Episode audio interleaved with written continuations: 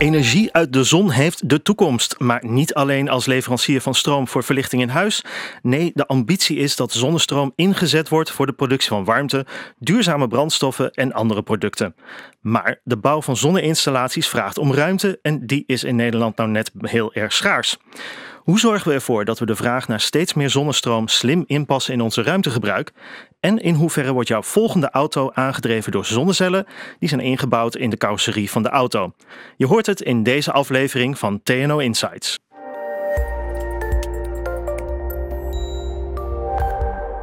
Hallo en welkom en leuk dat je luistert naar deze aflevering van TNO Insights, de tweewekelijkse podcastserie over de maatschappelijke uitdagingen van dit moment. En mijn naam is Patrick Harms. In eerdere afleveringen doken we in uitdagingen als een meer circulaire economie, datagedreven overheidsbeleid en de impact van kunstmatige intelligentie. Lijken deze afleveringen jou ook interessant? Zoek dan naar TNO en Insights in jouw favoriete podcast-apps, zoals die van Spotify, Apple Podcasts, iTunes, SoundCloud en de app van podcastluisteren.nl. En dan vind je ze vanzelf terug. En als je je ook abonneert, dan verschijnen we voortaan elke twee weken met een nieuwe aflevering in jouw podcast-app. Vandaag kijken we naar hoe zonnestroom nog meer een onderdeel kan worden van onze energievoorziening en welke obstakels we daarbij moeten overwinnen. En dat doen we met Wim Sinke. Jij bent professor fotovoltaïsche conversie, ofwel zonnestroom aan de Universiteit van Amsterdam. En jij bent verbonden aan ACN Part of TNO. En dat is het onderzoekscentrum in Nederland waar het gaat om de duurzame energievoorziening. Welkom Wim.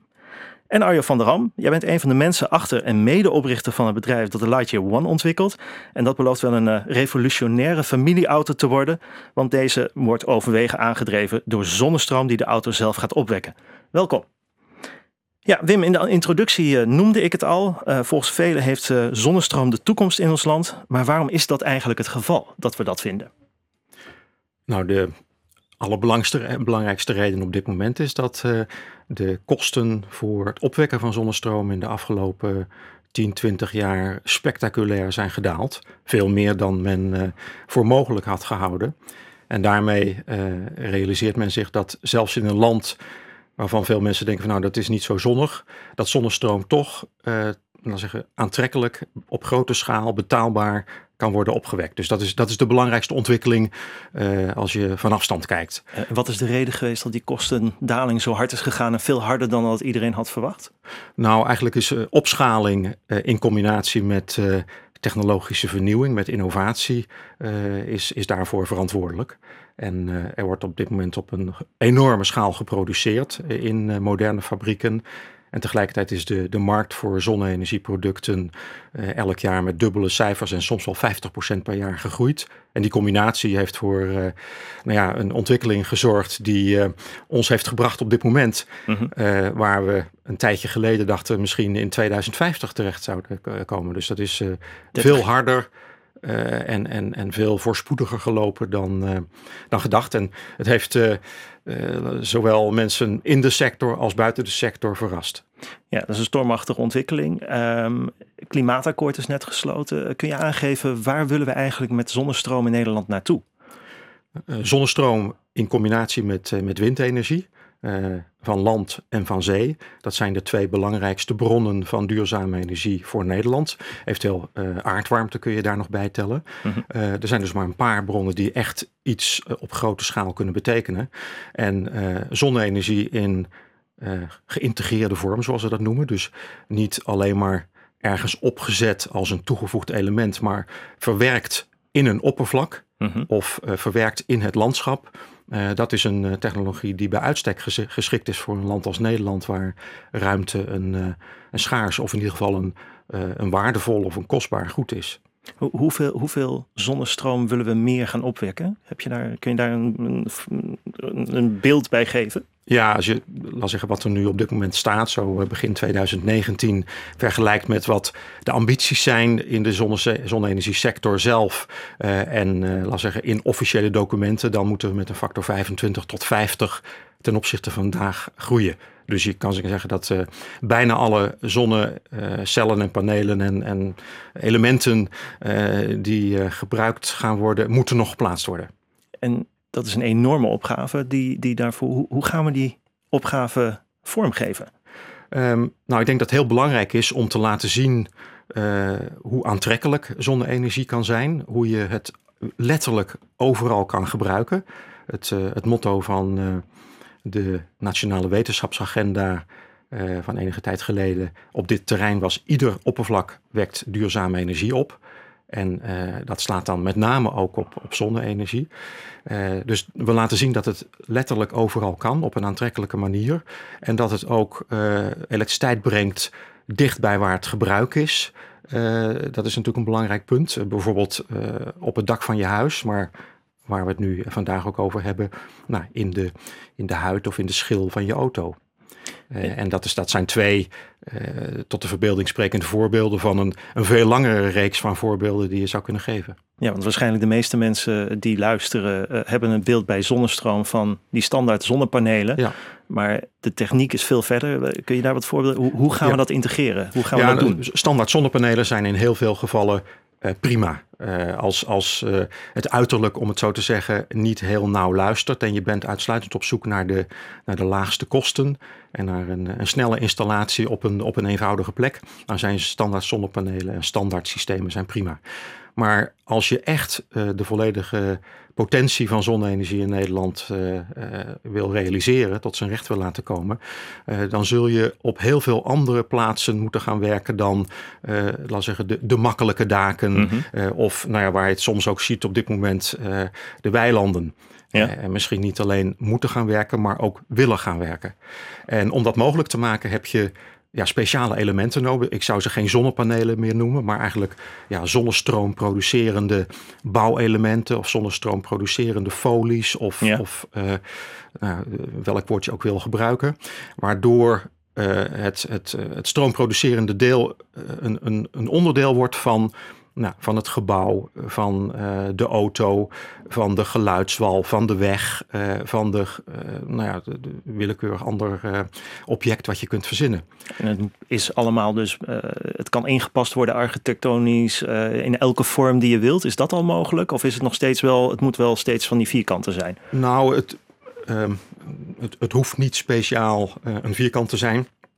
Uh, maar de beschikbaarheid en zeker de beschikbaarheid tegen lage kosten van al die alternatieve uitvoeringsvormen die je zou willen hebben, die is nu in, in volle gang. Maar uh, ja, die, die is sterk afhankelijk van de vraag.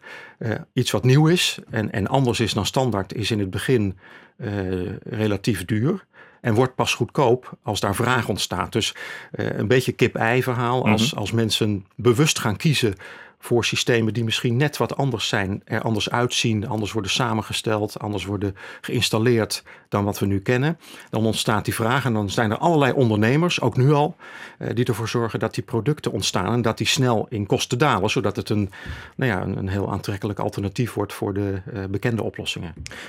Gaat dat ook helpen om weerstand tegen zonneparken weg te nemen? Recent was er in de Trouw een heel groot ja. artikel van een grote uh, zonneprojectontwikkelaar in Nederland. Die zei van ja, ik zie heel veel weerstand tegen zonneparken, dus ja. daar moeten we wel een oplossing in. Hoe gaat dit helpen daarbij? Nou, ik denk dat het niet alleen gaat helpen, het is uh, onmisbaar om weerstand weg te nemen of, of uh, weerstand in de toekomst te voorkomen. Um, de, de, de dingen die ik net noemde, dus uh, integratie in een gebouw of in een, uh, een voertuig of in een, uh, in een wegdek eventueel, zijn twee voorbeelden. Maar ook als je in het vrije veld werkt, om het zo te zeggen, dus als je zonne-energie in het landschap wil gaan gebruiken, zijn er mogelijkheden om te integreren.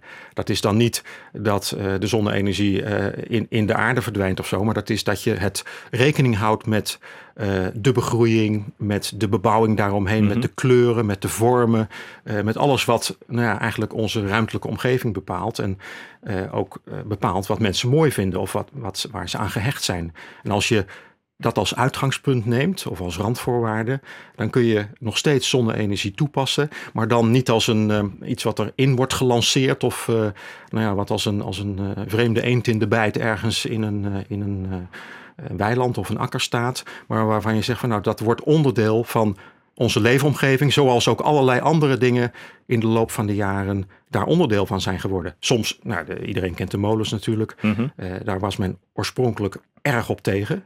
Uh, de, de, traditionele molens.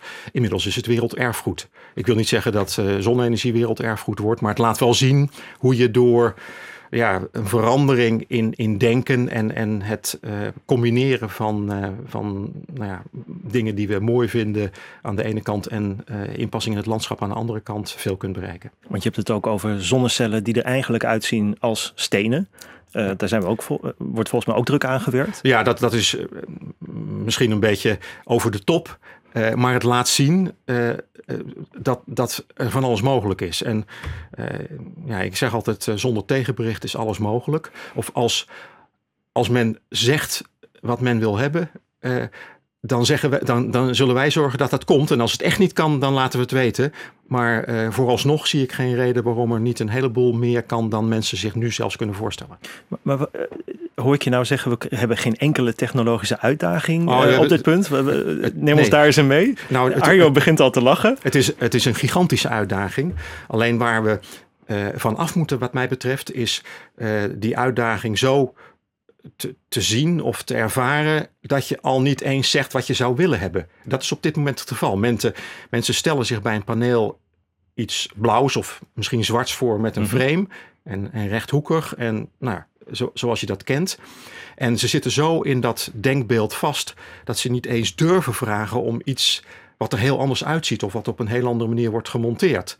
En dat gebrek aan ja, vraagarticulatie met een, met een duur woord, leidt ertoe dat het ook moeilijk is om in de ontwikkeling te weten waar je je op zou moeten richten. Dus ik zeg eerst wat je zou willen hebben, qua uiterlijk, qua vorm, qua combinatie van functies. Dan gaan we aan de slag. En dan zal je nog eens zien wat er mogelijk is. En, en hoe gaan we mensen helpen uh, die, die vraag voor zichzelf helder te krijgen? Nou, dat, dat, dat, is, een, dat is een hele goede vraag. Want ik denk dat dat uh, laat zien hoe belangrijk demonstratieprojecten zijn of aansprekende voorbeelden, waarbij wat mij betreft dan de kosten nog even niet zo belangrijk zijn. Dus zoals je op, vroeger op de, althans bij mij op de lagere school, eerst duidelijk dan snel uh, bij het schrijven, uh, is het nu uh, eerst mooi dan veel. Mm-hmm. En dat mooie, dat, dat, dat kost moeite, dat is duur, maar dat is essentieel om uiteindelijk de trekkracht te creëren die nodig is voor al die nieuwe producten. En uh, nou ja, dus dit is een, een, een aanbod vanuit de, de technologieontwikkelaars en de bedrijven om vooral te zeggen wat je graag wil hebben. En ik moet daarbij zeggen, liefst ook misschien net iets meer te betalen dan het allergoedkoopste. Uh, het kost iets, maar dan heb je ook wat. En, en dat, dat, ja, dat is een lonkend perspectief, denk ik, voor, voor Nederland en voor veel andere landen. En, en een heldere vraag uh, ligt er bij Arjo en zijn team van de Lightyear One: van wij willen zonnecellen inpassen in een auto. Maar hoe kom je nou op het idee om zonnecellen in een gezinsauto in te willen bouwen?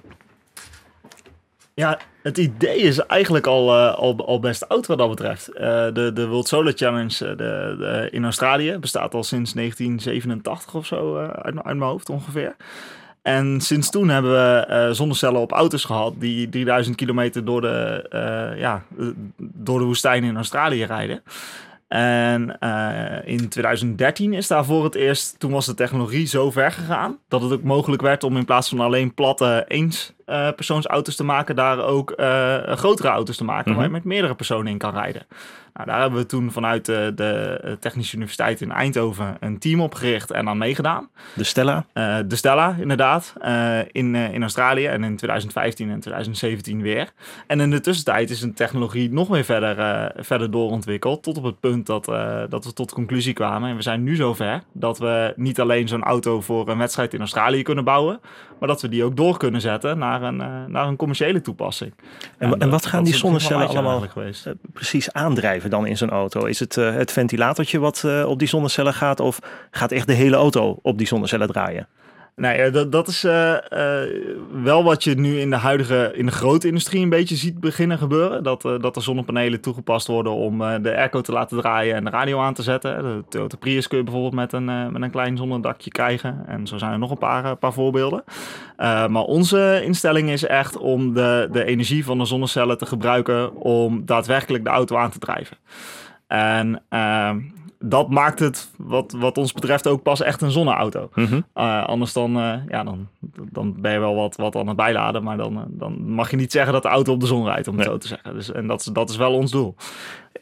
dan ga je waarschijnlijk heel veel technische uitdagingen tegenkomen. eh, waar Wim het eigenlijk ook al over had. Van, nou, maak maar duidelijk wat dan de vraag is. Wat, wat was dan jullie vraag rondom zonnecellen? Ja, dat is wel, eh, wel leuk, want het is, het is heel typisch. Er zijn inderdaad een paar dingen die, die voor een auto echt essentieel zijn. eh, die met de standaard eh, vierkante frames niet, niet opgelost werden. Kun je voorbeelden geven? ten, ten, ten eerste, een, een, een auto is een, wordt als emotioneel product verkocht. Dus die design is essentieel, hoe de, hoe de auto eruit ziet. En eh, de, die uitstraling van, eh, van de auto betekent dat hij gewoon qua vorm er mooi in moet passen. En daar, daardoor krijg je eigenlijk meteen twee eh, uitdagingen. Ten eerste de, de kleur en de, en de glans zeg maar, van, het, van het paneel. Mhm. Die wil je dat die zo, zo effen mogelijk is eigenlijk. En daarnaast krijg je een, een kromming in het dak. En een typische dak van een auto is in, in, in meerdere richtingen gekromd en niet meer vlak. En om die zonnepanelen in een, eh, ja, in een vlak eh, eh, of ja, in een, in een vlak te leggen is een stuk makkelijker als in een gekromd oppervlak. Ja. Dus de uitdaging was de combinatie van iets wat er mooi uitziet, wat krasbestendig is, wat ook nog eens lichtgewicht is, want mag natuurlijk En niet aerodynamisch waarschijnlijk. Eh, ja, en aerodynamica zie je dus vooral terug in de vorm. Dus dat, dat je het de juiste, de juiste vorm hebt. En dat alles bij elkaar maakt het wel een, eh, een, een interessante set aan uitdagingen. Vandaar dat we ook heel blij zijn dat eh ACN Part of TNO ons daarbij kan helpen. Eh, Wim, wat, wat, wat- hoe draagt jouw organisatie daar nou aan bij?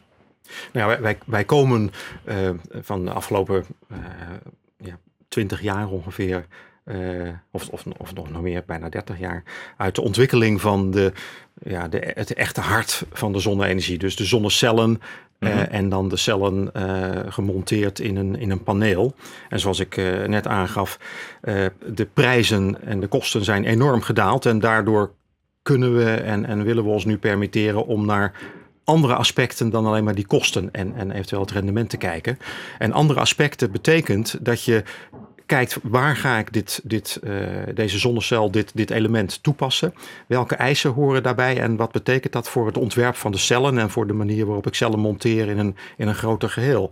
Nou, dat eh, eh, gebruik van, van zonnecellen in een auto is heel erg uitdagend, Mhm. omdat je daar per vierkante meter werkelijk zoveel mogelijk eh, wil, eh, wil opwekken. Het oppervlak is echt beperkt. Je wil dat er eh, in de zon, maar ook als er een schaduw valt of als je rijdt, dat, dat, dat dat ding goed blijft functioneren. Je wilt dat het ongelooflijk strak uitziet en niet alleen maar in de showroom, maar ook als je het ding vijf jaar hebt gebruikt. De- al, al dat soort aspecten geven nieuwe ja, eh, eisen zeg maar, aan de technologie die wij eh, nou ja, vertalen naar eh, het, misschien niet zozeer het maken van andere zonnecellen, maar wel de manier waarop je zonnecellen monteert, onderling verbindt, impact ten behoeve van dit, dit type gebruik. En nou ja, aangezien de zonnecellen maar een, een, een, ja, een deel van de totale kosten, maar ook van het totale kwaliteit van het product opleveren, is, is dat een heel essentieel eh, deel van het werk. Ajo, ehm, ehm, nu kan ik me voorstellen dat als je in Nederland rijdt eh, en of je bent aan het rijden en je rijdt onder bomen door, eh, dat je dan niet maximale opbrengst hebt. Ehm, zijn er dan nog meer technische uitdagingen die ontstaan? Eh jazeker, Eh, klopt. Wim zei het net al, eh, schaduwval is, Ja. een, eh, is een serieuze uitdaging, eh, bij, zeker bij auto's ook. Eh, voor de mensen die thuis eh, zelf ook panelen op hun dak hebben. eh, vaak is het bij de huidige installaties nog zo, als er een klein stukje van het paneel in de schaduw ligt, dat het eigenlijk het hele paneel wordt uitgeschakeld. Dat komt doordat de zonnecelletjes ja, eigenlijk in een keten bij elkaar, aan elkaar geschakeld zitten. En de zwakste schakel van die keten bepaalt eigenlijk wat de hele keten doet. Als het op je dak ligt, is dat niet zo erg als het uitgeschakeld wordt. Maar als je 100 Nou tot ja, als het- als het op je 28 dak rijdt, is ligt, dat ook een probleem. Nou ja, als het op je dak ligt, is het natuurlijk ook heel erg. Alleen vaak worden de panelen op je dak dus zo neergelegd Ja. Eh, dat er geen schaduw is. Eh, dat er geen bomen in, eh, in de weg staan. Of dat je net geen paneel legt strak naast de schoorsteen. Want die zou dan de rest van de panelen weer, weer in de weg zetten. Nou, voor daken is er al een soort van oplossing voor gevonden. Dat noemen ze de, de optimizers. Mhm. Dat is eigenlijk een kastje wat je tussen, tussen alle panelen inzet. Waardoor dat probleem in ieder geval al gereduceerd wordt van het hele dak tot, tot één paneel. En eh, een vergelijkbare techniek passen wij dan ook weer toe in de auto. Alleen gaan we dan in plaats van eh, naar één paneel, gaan we naar een nog veel kleiner oppervlak waarin, dat wordt, eh, waarin we dat toepassen. En je zou dat kunnen zien als een soort van bypass. Dus de, de celletjes die in de schaduw liggen of door het gekromde oppervlak net iets minder zon vangen als de andere celletjes in de keten, ehm, die worden eigenlijk uh, versterkt met wat extra energie die ze uit een, uh, een opslagbuffertje krijgen, wat weer gevuld wordt door de celletjes die juist iets meer als het gemiddelde oplevert. En daardoor kunnen, eh, eh, kan netto elk groepje aan zonnecelletjes evenveel vermogen leveren. En raak je natuurlijk nog steeds wel wat kwijt, doordat er uh, schaduw valt. En ja, wat, wat, wat, er niet is, kun je niet opwekken natuurlijk. Dus je krijgt altijd minder opbrengst als er geen schaduw is. Maar je bent in ieder geval niet ook energie weg aan het nemen van celletjes die niet in de schaduw liggen. In hoeverre kun je straks, ook, dat probleem hebben jullie getackeld, maar ja. in hoeverre kun je de Lightyear One straks gewoon het jaar door gebruiken. Want in de winter is natuurlijk niet, er is wel zon, uh, maar het is niet echt mega veel zon. Nee, zeker. Dus uh, je kan de One uh, het hele jaar door gebruiken. Maakt helemaal niks uit. Er zit een, er zit een hele grote batterij in ook nog. En daarmee, of tenminste, relatief gezien, voor elektrische auto's is hij niet zo super groot. Maar je kan er best wel veel kilometers nog mee rijden. En die batterij, je moet het eigenlijk zo zien. De batterijen of de zonnecellen drijven niet direct de motor aan, maar laden de batterij op. En uh, in de zomer doen ze dat meer als in de winter. Mm -hmm. Dus in de winter zul je nog uh, iets vaker uh, bij moeten laden vanuit het, vanuit het net. En in de zomer hou je misschien juist energie over die je weer terug zou kunnen leveren. Zo net hadden we het al. Dus dat, dat, er zit een batterij in. Ja. Um, hadden het net al over aspecten bij auto's is het moet mooi zijn. Nou, dat, dat hebben jullie dus, hoor ik, onder controle. Daar zijn jullie met winddruk mee bezig. Um, maar de meeste autorijders, als ze overstappen naar elektrisch, is de vraag van ja, maar kan ik, hoe ver ga ik ermee komen? Speelt dat probleem bij jullie ook of speelt dat minder? Um, het is eigenlijk precies het probleem wat wij hebben proberen op te lossen. Dus uh, de, de focus van de Lightyear One uh, is, is een auto die je vrijheid geeft. Een auto waarmee je overal naartoe kan gaan. En om dat mogelijk te maken, zijn eigenlijk die zonnecellen toegevoegd. Um, de, de clue van de auto, als we dan even vanuit een technische kant kijken, is uh, dat we het energieverbruik proberen te matchen aan de energieopbrengst. En dat betekent dat een heel groot deel van de innovatie dus niet alleen in dit uh, zonnepaneelstuk zit, maar juist ook in het energieverbruik van de auto. Auto wordt dus ook erg licht en een uh, heel aerodynamische auto met een uh, hele efficiënte aandrijflijn. En dat zorgt ervoor dat je gewoon per kilometer minder energie nodig hebt om je te vervoeren. En dat zorgt er ook voor dat we een hele grote range kunnen halen. Dus als je een beetje je best doet, dan kun je 800 kilometer range halen met, met de Lightyear One in één, in één stap. En dat is zonder de zonnepanelen. Wim kijkt met een blik alsof hij er eentje wil kopen, geloof ik. Nou ja, kijk, kom, kom daar eens om. Hè. Dit, dit, zijn natuurlijk geweldige getallen. En, en, die nemen eigenlijk in één keer het bezwaar wat mensen, veel mensen hebben, of de, moet ik zeggen, de, de, de reserve die veel mensen hebben uh, ten aanzien van elektrische auto's, nemen ze weg. Als, als je deze getallen kunt realiseren, ja, dan. Uh, en je hebt ook nog zo'n uh, zo'n strak ontwerp en, en die vrijheid, ja, dan, dan, dan wordt elektrisch vervoer wel heel aantrekkelijk. We stoppen hem nu in een, die zonnecellen in een auto ga eens een stap verder. Moet je ook nadenken over zonnecellen met in bussen, vrachtwagens. Is, is, is dat de volgende stap, Wim? Arjo? Ja, dat, dat is een stap die parallel wordt gezet. Ik denk dat de auto met zijn, met zijn vorm uh, en, en zijn type gebruik uh, misschien nog wel uitdagender is dan uh, een, een, vrachtauto bijvoorbeeld of een mm -hmm. bus, waar je nou ja, relatief makkelijk zaken kunt toevoegen. Um, waar esthetiek ook een heel andere rol speelt, zeker bij vrachtwagens en, en, en bovenop.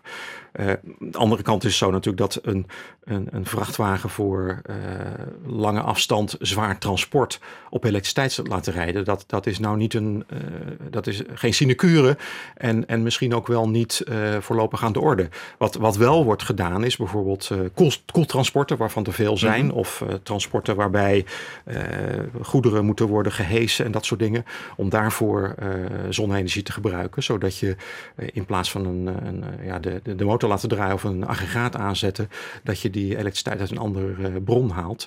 En, en ook uit een bron die aan boord aanwezig is.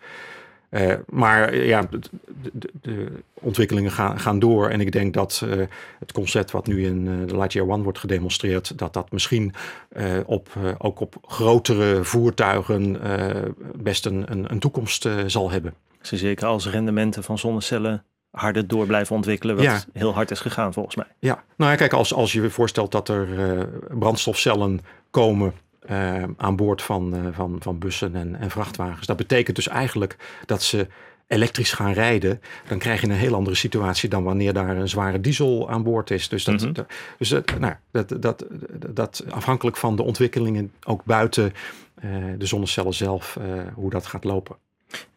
Zonnecellen in auto's. Eh, maar volgens mij hebben we ook zoiets als een Solar Road eh, pas geleden in Nederland gezien. Ehm, dat is ook een vorm van het integreren van eh, eh, zonnestroom volgens mij in de omgeving. Wa- wa- wa- wat zijn de ontwikkelingen op dat punt die gaande zijn? Nou, dit is het, een, voorbeeld van het tweevoudig of meervoudig gebruiken van eigenlijk bijna alle oppervlakken die we in Nederland hebben. We hebben honderden vierkante kilometers aan wegoppervlak Mhm. en honderden vierkante kilometers aan andere oppervlakken waar al iets mee gebeurt. En als je daar zonne-energie in kunt integreren en het is technisch mogelijk eh, doordat de producten eh, beschikbaar zijn, ja, dan is dat heel aantrekkelijk omdat je daarmee eh, niet in het weiland hoeft of in de akker hoeft. Dus de- dat is, dat, het is in de, ja, in, in de zoektocht naar de vierkante kilometers in Nederland is het ontzettend voor de hand liggend om naar de infrastructuur te kijken en de wegen horen daar prominent bij. Ja. Dat is natuurlijk heel uitdagend hè, technisch gezien. In welk opzicht? Nou ja, de, dat betekent dat je licht moet invangen op een oppervlak wat zwaar wordt belast, Mhm. waar ook vervuiling kan optreden, eh, wat eh, nou ja, bestand moet zijn tegen extreme omstandigheden, zeg maar. En waar de primaire functie is om, om veilig eh, je kunnen, te kunnen bewegen. Dat is de primaire functie. Elektriciteitsopwekking zal altijd secundair zijn. Nou, om die dingen te combineren en dan dus ook spotgoedkope stroom op te wekken, want dat willen we met z'n allen, Mhm. dat is een enorme uitdaging. En vandaar dat we ook niet zijn begonnen met wegen, maar eh, gewoon maar panelen op daken. Maar inmiddels zijn we zover dat we nou, eigenlijk naar alles kijken wat, wat mogelijk is. En de wegen horen daarbij. Op, op wat voor termijn gaan, we- gaan we dergelijke snelwegen krijgen waar je over de zonnepanelen heen rijdt? Eh, wa- wa- wat is daar de, de toekomstvisie op? Nou, de eerste tests of demonstraties worden eh, eigenlijk al zeer binnenkort eh, gedaan. Mhm. En eh, wanneer dat op grote schaal wordt toegepast, hangt natuurlijk onder andere af van de mogelijkheden om, nou, of, of van wat er uit die test komt. Maar ik denk dat het er ook van afhangt, en dat geldt voor niet alleen voor wegen, maar voor allerlei andere nieuwe toepassingen. Of we als Nederland of als burgers of als bedrijven bereid zijn om een klein beetje meer te betalen dan het allergoedkoopste, om al die nieuwe mogelijkheden eh, zeg maar, binnen handbereik te brengen. En, en dus onszelf te verwennen zeg maar, met, met aantrekkelijke geïntegreerde zonne-energie in plaats van zonne-energie die als een vreemd element overal opduikt en wordt toegevoegd. Eh, dat, dat- ik denk dat, dat het heel erg zou helpen als we de, de waarde zeg maar, van, van, die, van die aantrekkelijkheid en van die nieuwe mogelijkheden weten te vertalen naar iets wat ja, eh, betekent dat je er eh, een, een, een beetje meer voor betaalt. Of dat je nou ja, een andere keuze maakt. Ja. En een, misschien wel een ander businessmodel toepast. Eh, dat, dat, we zijn in Nederland heel lang het prijsputje van Europa geweest voor zonne-energie. Het allergoedkoopste op het gebied van zon werd hier gedaan. Mhm. En ik denk dat het in ons eigen belang is, belang van de burgers in Nederland, om te kijken van nou, van de laagste prijzen naar de hoogste waarde. En, en, en daarmee, nou eigenlijk de, alle mogelijkheden van zonne-energie, die zonne-energie van nature biedt, echt te gaan gebruiken. Dus jouw pleidooi is eh, inv- durf te investeren in net wat extra meer kwaliteit en rendement. Ja, en, en eh, ja, kwaliteit in de brede zin van het woord. Hè? Dus eigenschappen, Mhm. eh, dus esthetiek, volledige duurzaamheid hoort daar ook bij, flexibiliteit in gebruik, et cetera. Absoluut, ja. Nou, als we die mooie eh zonnestroomopwekkende snelwegen hebben, dan zoeft daar op termijn een eh, Lightyear One overheen.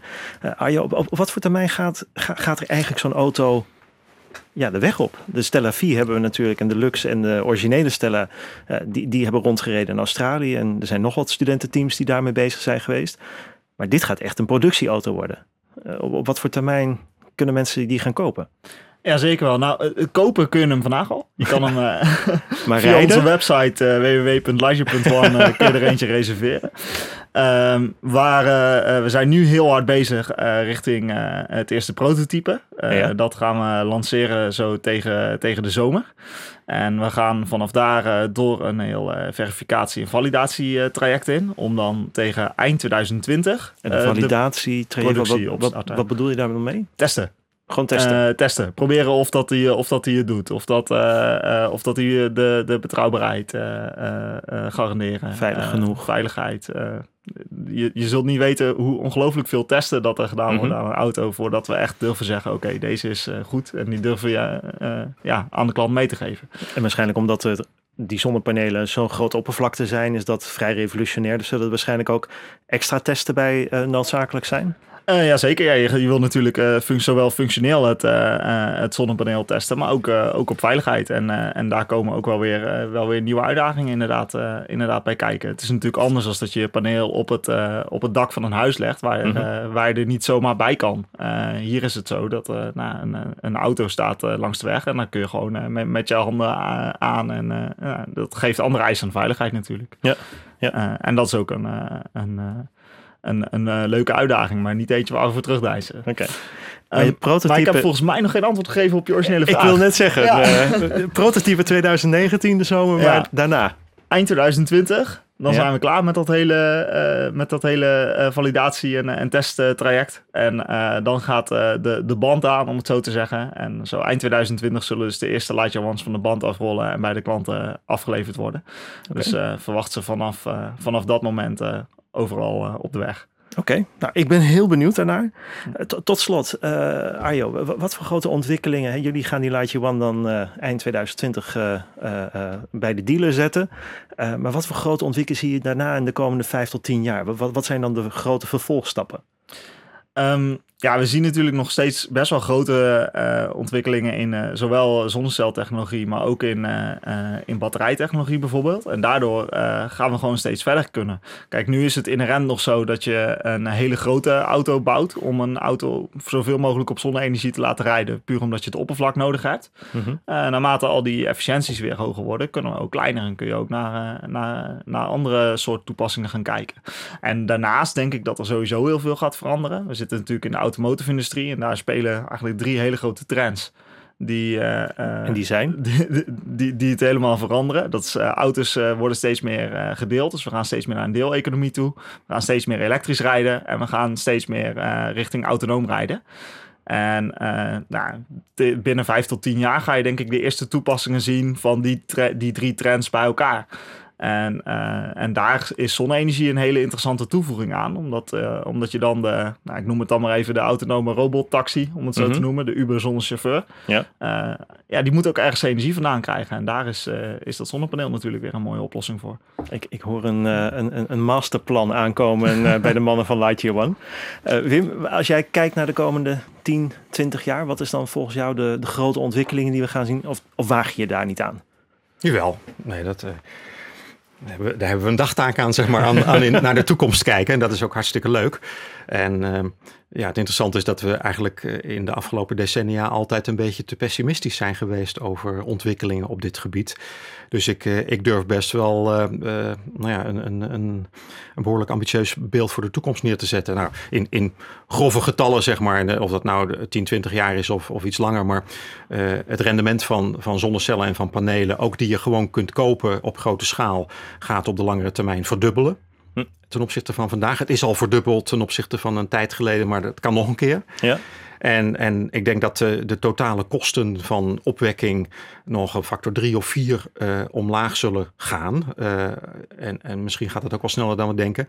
Dat is, dat is heel fijn, maar het is ook noodzakelijk om uiteindelijk stroom te kunnen gebruiken als de, ja, de nieuwe primaire brandstof. Zeg maar. Dus als je zegt van onze samenleving gaat in de toekomst eh, draaien op duurzame energie, dan bedoel je eigenlijk dat die grotendeels gaat draaien op duurzame elektriciteit.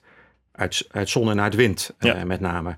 En om die elektriciteit te kunnen gebruiken voor alle dingen die we doen, moet je hem in de vorm van elektriciteit gebruiken, maar je moet hem ook omzetten naar warmte. Misschien om een eh, aardgasvrije woning te bouwen. Of nou niet te bouwen, maar om te bouwen. Eh, en, en om vliegtuigen te laten vliegen op duurzame brandstof, heb je iets anders nodig dan de huidige kerosine. Nou, dat kan allemaal. Uh, sommige dingen kunnen nu al heel goed en makkelijk. Andere dingen kunnen nu wel, maar moeten nog veel goedkoper of efficiënter. Maar één ding is zeker, je hebt daar spotgoedkope stroom voor nodig. En spotgoedkoop betekent aanzienlijk goedkoper dan wat we vandaag uh, hebben. En daarom is die verdere kostendaling van zonne-energie een soort ja, uh, sleutel tot het uh, succes van, van zonne-energie in de toekomst. En, ja, en dan, zelfs als je naar het klimaatakkoord kijkt voor 2030, dan zie je dat al ruim meer dan de helft van alle stroom, alle stroom in Nederland die we gebruiken, uit duurzame bronnen komt. En uiteindelijk komt uh, komt alle stroom daaruit. Maar uh, stroom gaat veel harder dan het gemiddelde in de energiesector. Ja. Ja. Dus ja, zon en wind uh, gaan zo snel zo'n belangrijke rol spelen. Dat, eh, dat, ja, dat is natuurlijk fantastisch om in zo'n sector te werken. Dat kan me voorstellen. Heren, dank jullie wel. Uh, ik ben een hoop wijzer geworden. Ik ben ook heel benieuwd uh, om uh, straks zo'n Lightyear One eens in het echt te zien. en ik vermoed dat als alles goed gaat met geïntegreerde zonnestroomcellen, ehm, ja, dan zie je ze eigenlijk niet natuurlijk. Nou ja, je ziet ze of niet, of je ziet ze juist heel erg, maar dan aantrekkelijk. Aantrekkelijk, kijk. Nou, in ieder geval een aantrekkelijke zonnestroom toekomst uh, staat ons uh, te wachten. Uh, heren, dank jullie wel voor jullie aanwezigheid. Wil je als luisteraar dan meer weten over dit onderwerp? Ga dan naar tno.nl en klik in het menu op Insights. Die vind je rechtsbovenin. En je vindt dan vanzelf de afleveringspodcast pagina. Daar zetten we wat achtergrondinformatie over het werk wat Wim doet. En natuurlijk wat meer over de Lightyear One. Voor nu in ieder geval bedankt voor het luisteren. En als je je geabonneerd hebt op onze podcast via Spotify, Apple Podcasts, iTunes, podcastluisteren.nl of Soundcloud, dan verschijnt er over twee weken automatisch een nieuwe aflevering. In ieder geval, tot dan.